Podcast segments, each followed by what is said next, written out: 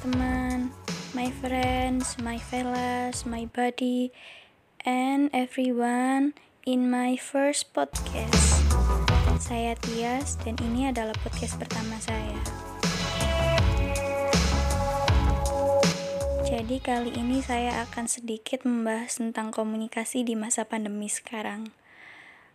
Sudah sekitar dua bulan kayaknya ya kita menjalani social distancing dan work from home. Hmm, tapi ini ya, pembatasan pertemuan secara fisik nampaknya tidak membatasi pertemuan kita secara virtual.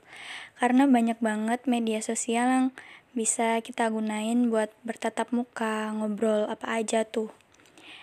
Nah, ini membuat meningkatnya penggunaan sosial media di berbagai dunia. Penggunaan berbagai media sosial terus meningkat secara global, sampai 27 persen.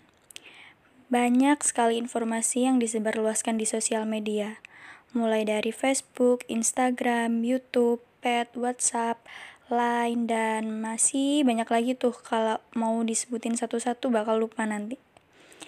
Lantas, apakah informasi yang beredar di sosial media teman-teman dapat dipercaya informasinya? Atau tidak? Saat ini kita sedang berperang melawan hoaks dan berbagai konspirasi yang dikemukakan oleh beberapa orang. Hal ini menyebabkan kebingungan dan menyebar ketakutan, sehingga menimbulkan bad respon dari orang-orang terhadap wabah virus ini. Misinformation about coronavirus is very concerned. Jadi sangat memprihatinkan tuh kalau masih banyak orang yang suka nyebarin hoax, nge-share nge-share informasi yang eh, nggak uh, jelas sumbernya. Jadi bikin bingung gitu kan ya informasi yang beredar di media sosial cukup masif. Ada yang bisa dipercaya, ada juga yang enggak.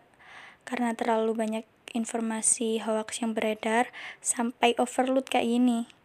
Membuat kita sulit untuk mendapatkan informasi yang real fake. Jadi informasi yang beredar dapat ditemukan dalam berbagai bentuk. Mulai dari teori konspirasi sampai yang paling berbahaya adalah anjuran kesehatan yang salah penyalahgunaan hand sanitizer, dan pembuatannya yang tidak sesuai dengan standar komposisi dari WHO. Memang, media massa menjadi salah satu hal penting di masa pandemi ini untuk mengetahui informasi. Tetapi kita tidak langsung mempercayai informasi yang kita dapatkan.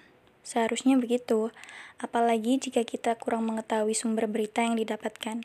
Bisa saja berasal dari sumber yang ngawur dan tidak terpercaya.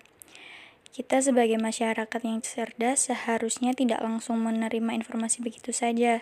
Kita harus tahu mana sumber yang valid untuk mendapatkan informasi.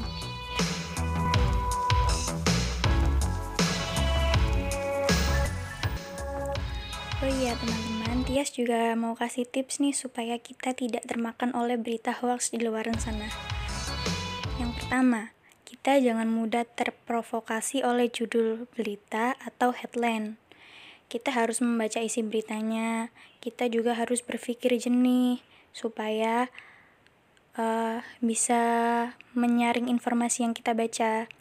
Jangan langsung mengcopy berita tersebut di media sosial.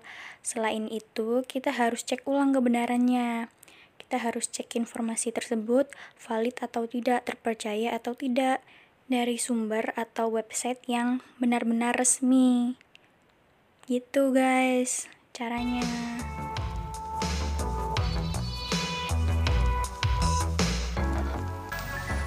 Mungkin uh, cukup segini dulu ya podcast pertama saya. Nantikan podcast-podcast selanjutnya. Oh ya, satu lagi teman-teman, jangan lupa untuk tetap di rumah dan menjaga kebersihan.